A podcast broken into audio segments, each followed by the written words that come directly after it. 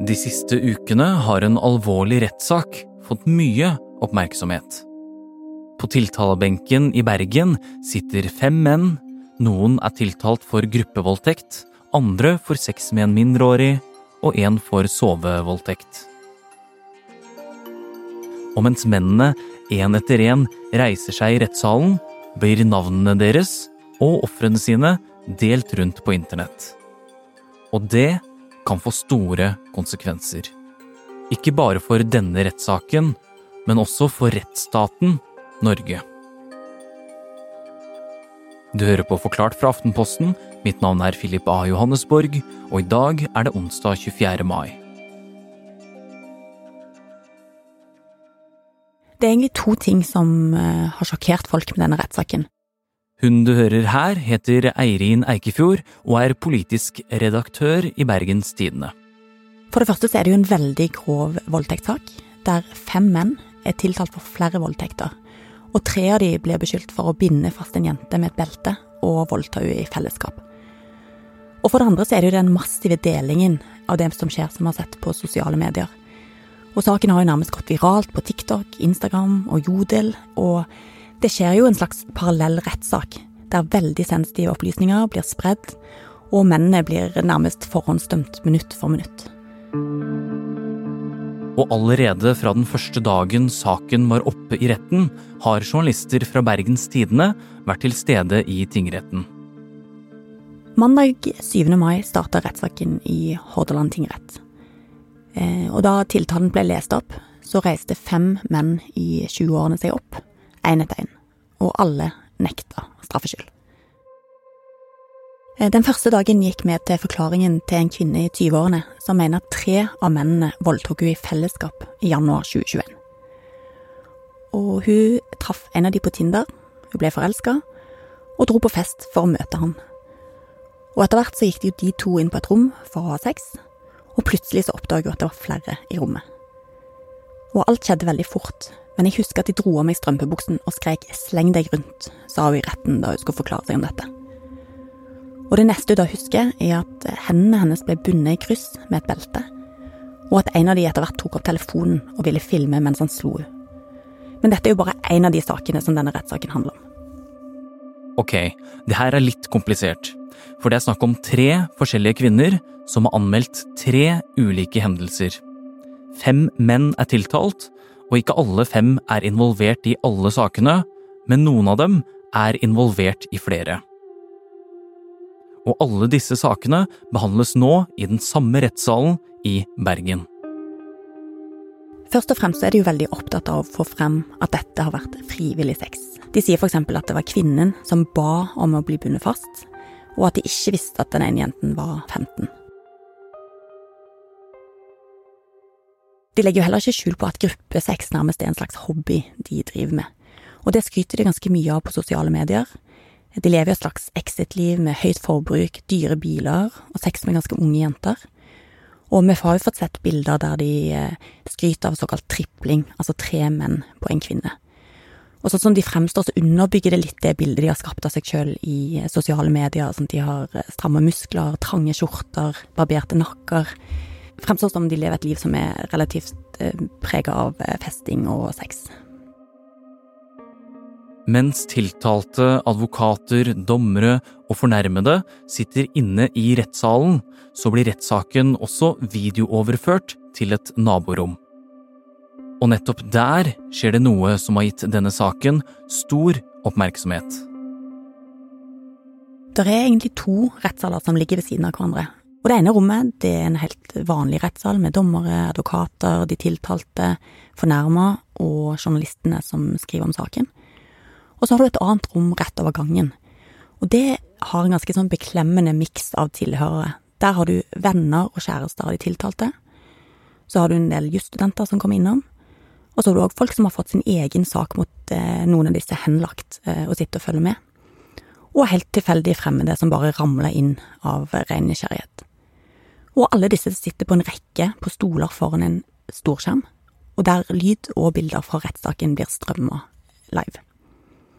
Og på et bord foran så eh, ligger da alle telefonene som er blitt samla inn, fordi det er strengt forbudt å ta bilder og film underveis. Men det forbudet var det jo ikke alle som klarte å overholde. Hva var det som skjedde, Eirin? Det var en mann som møtte opp i retten eh, første dag, og eh, begynte å filme navnelisten som ble hengt opp på døren. Den henger jo alltid på døren eh, utenfor rettssaler. Og han filma fra selve salen, fra tilhørerrommet ved siden av, og på noen av de klippene så kunne du jo se hvem som var tiltalt i saken. Og alt dette publiserte han i ulike kanaler på sosiale medier. For en syk verden vi lever i, skrev han på Instagram. Og til oss i BT så sa han at han var der for å dokumentere hva som skjedde, sånn at han kunne vise verden hva slags folk disse tiltalte egentlig er. Og i ettertid har denne mannen som dukket opp i retten, blitt anmeldt for å ta bilder i rettssaken. Men slik deling med offentligheten er ikke norske rettssaler vant med, og det har nå ført til at retten har fått et stort problem i fanget.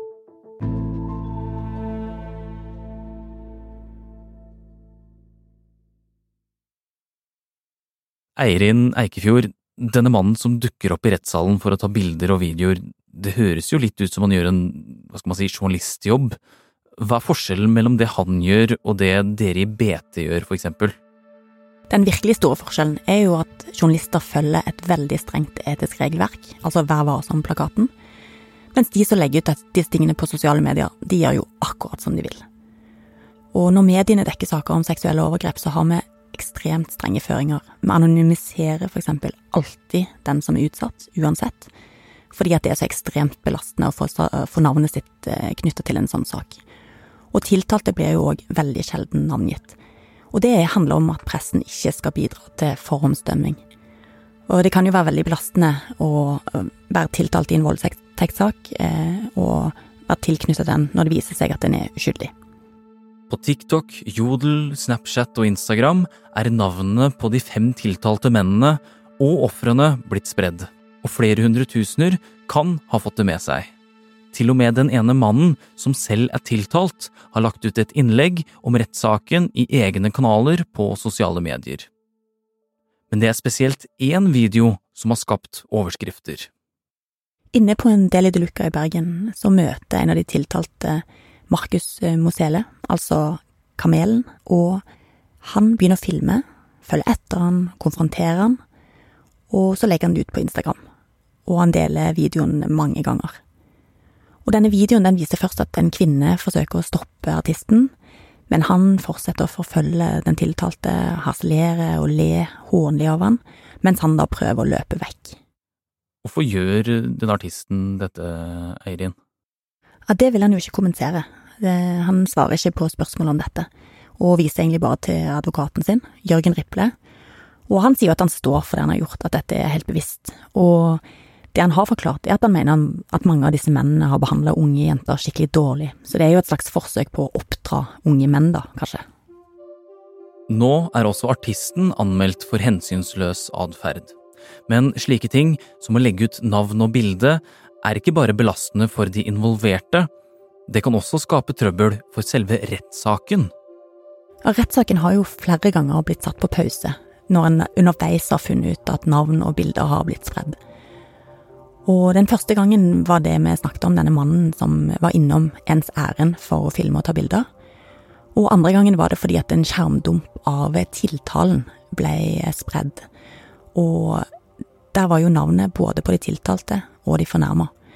Og det er jo veldig uheldig, og det gjorde jo at eh, den fornærma vegrer seg for å forklare seg, når du sitter der og vet at det du sier i en ekstremt sensitiv sak, blir spredd eh, tusenvis av ganger på sosiale medier.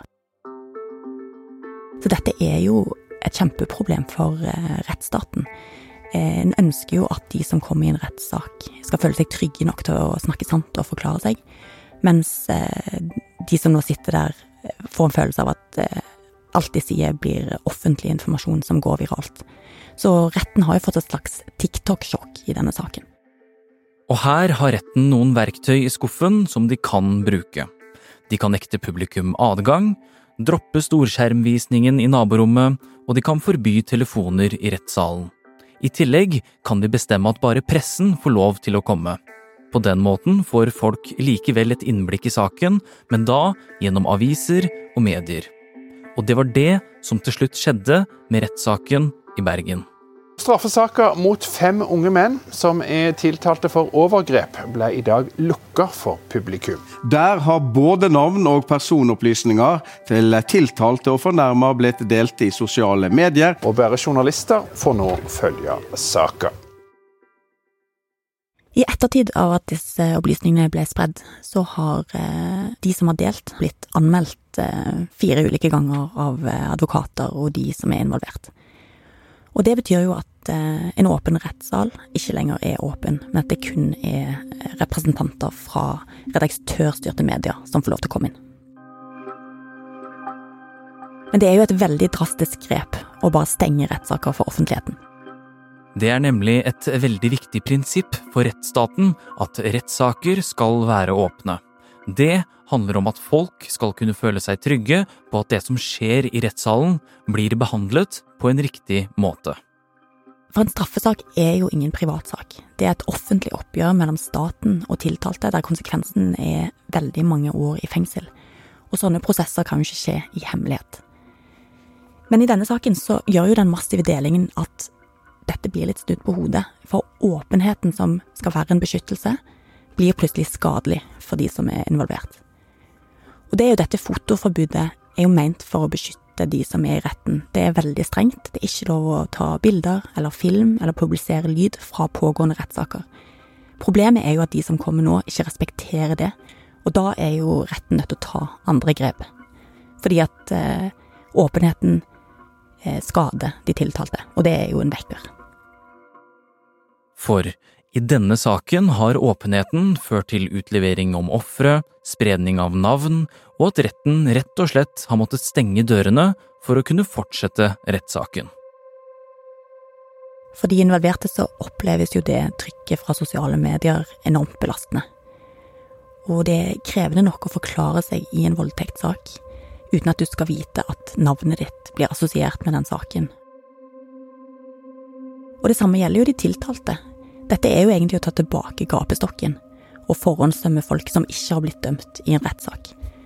Og det er en del nyanser som, som ikke kommer fram når en bare drar på med navn og bilde og, og en slags eh, agenda om å forhåndsstemme. Så tror jeg òg at dette er en oppskrift på å øke mørketallene på voldtektssaker, som er høye nok i utgangspunktet. For det er veldig belastende å anmelde en voldtektssak i utgangspunktet. Men hvis du i tillegg frykter at du skal bli navngitt og utlevert og eksponert i sosiale medier mens du forklarer deg i retten, så er det veldig mange som vil nøle med det. Men så kan du jo på den andre siden si at uh, dette har jo gitt veldig stor oppmerksomhet på fenomenet voldtekt blant uh, unge mennesker. Og det at de skjønner hva en uh, voldtekt er, og blir bevisst på hva som kan skje, det tror jeg jo kan faktisk være eh, positivt. Mm. Men i denne rettssaken, da, gir det som har skjedd noen konsekvenser på sikt? Jeg vil jo tro at eh, retten blir ivrigere med å lukke dørene i den type saker eh, fremover, og at en blir oppmerksom på at sosiale medier er et aspekt i rettssaker som en må ta høyde for når en skal lage regelverk. Så jeg tror jo at man vil se enten lovendringer eller i hvert fall en bevisstgjøring, og eh, mye At man lukker dørene i mye større grad. Det norske regelverket treffer jo ikke dette spesielt bra. I Danmark er det eksempel straffbart å navngi involvert i en straffesak, men vår straffelov den regulerer jo ikke dette i det hele tatt. Og det burde han nok gjort, for vi har jo regler som, som de kan bruke til å anmelde folk som har spredd, men, men det er regler som er egentlig ment for helt andre ting. Så jeg tror at denne løpende utleveringen eh, som skjer nå, eh, er en vekker og gjør at vi kanskje får nye regler og nye måter å møte den type problemstillinger på. Retten fikk jo et slags TikTok-sjokk i denne saken, men eh, sosiale medier er jo ikke noe som forsvinner med det første, så dette er jo noe de er nødt til å håndtere framover.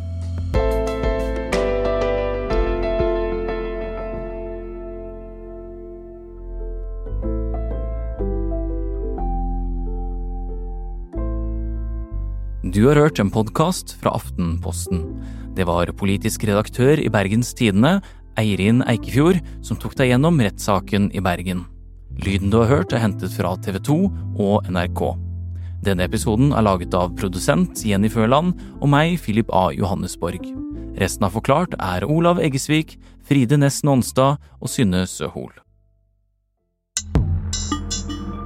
Noen russiske soldater går raskt mellom nakne trær på snødekt bakke. Og ei ukrainsk drone suser over hodene deres. Men de fortsetter. Uten noe særlig beskyttelse og helt synlig. Hvorfor? Ja, og da kom vi inn på noe av det kanskje mest fascinerende og interessante, eh, og, for meg ganske nesten uforståelige, ved, ved krig. Vi er, jo litt sånn sjanseløse, ikke sant? Men de fortsetter. Uten noe særlig beskyttelse og helt synlig. Hvorfor? Og kan vi finne svaret blant dem som kjemper på den andre sida, i de ukrainske styrkene? Vi alle som var på basen den dagen, hadde en veldig eh, intens opplevelse. Å være i en livsfarlig situasjon med, med rakettangrep og bombeangrep. Hva gjør at noen tilsynelatende frivillig reiser inn i krig? Dypdykk er ut med en ny episode, og du kan høre den i Aftenposten-appen eller hos Podme.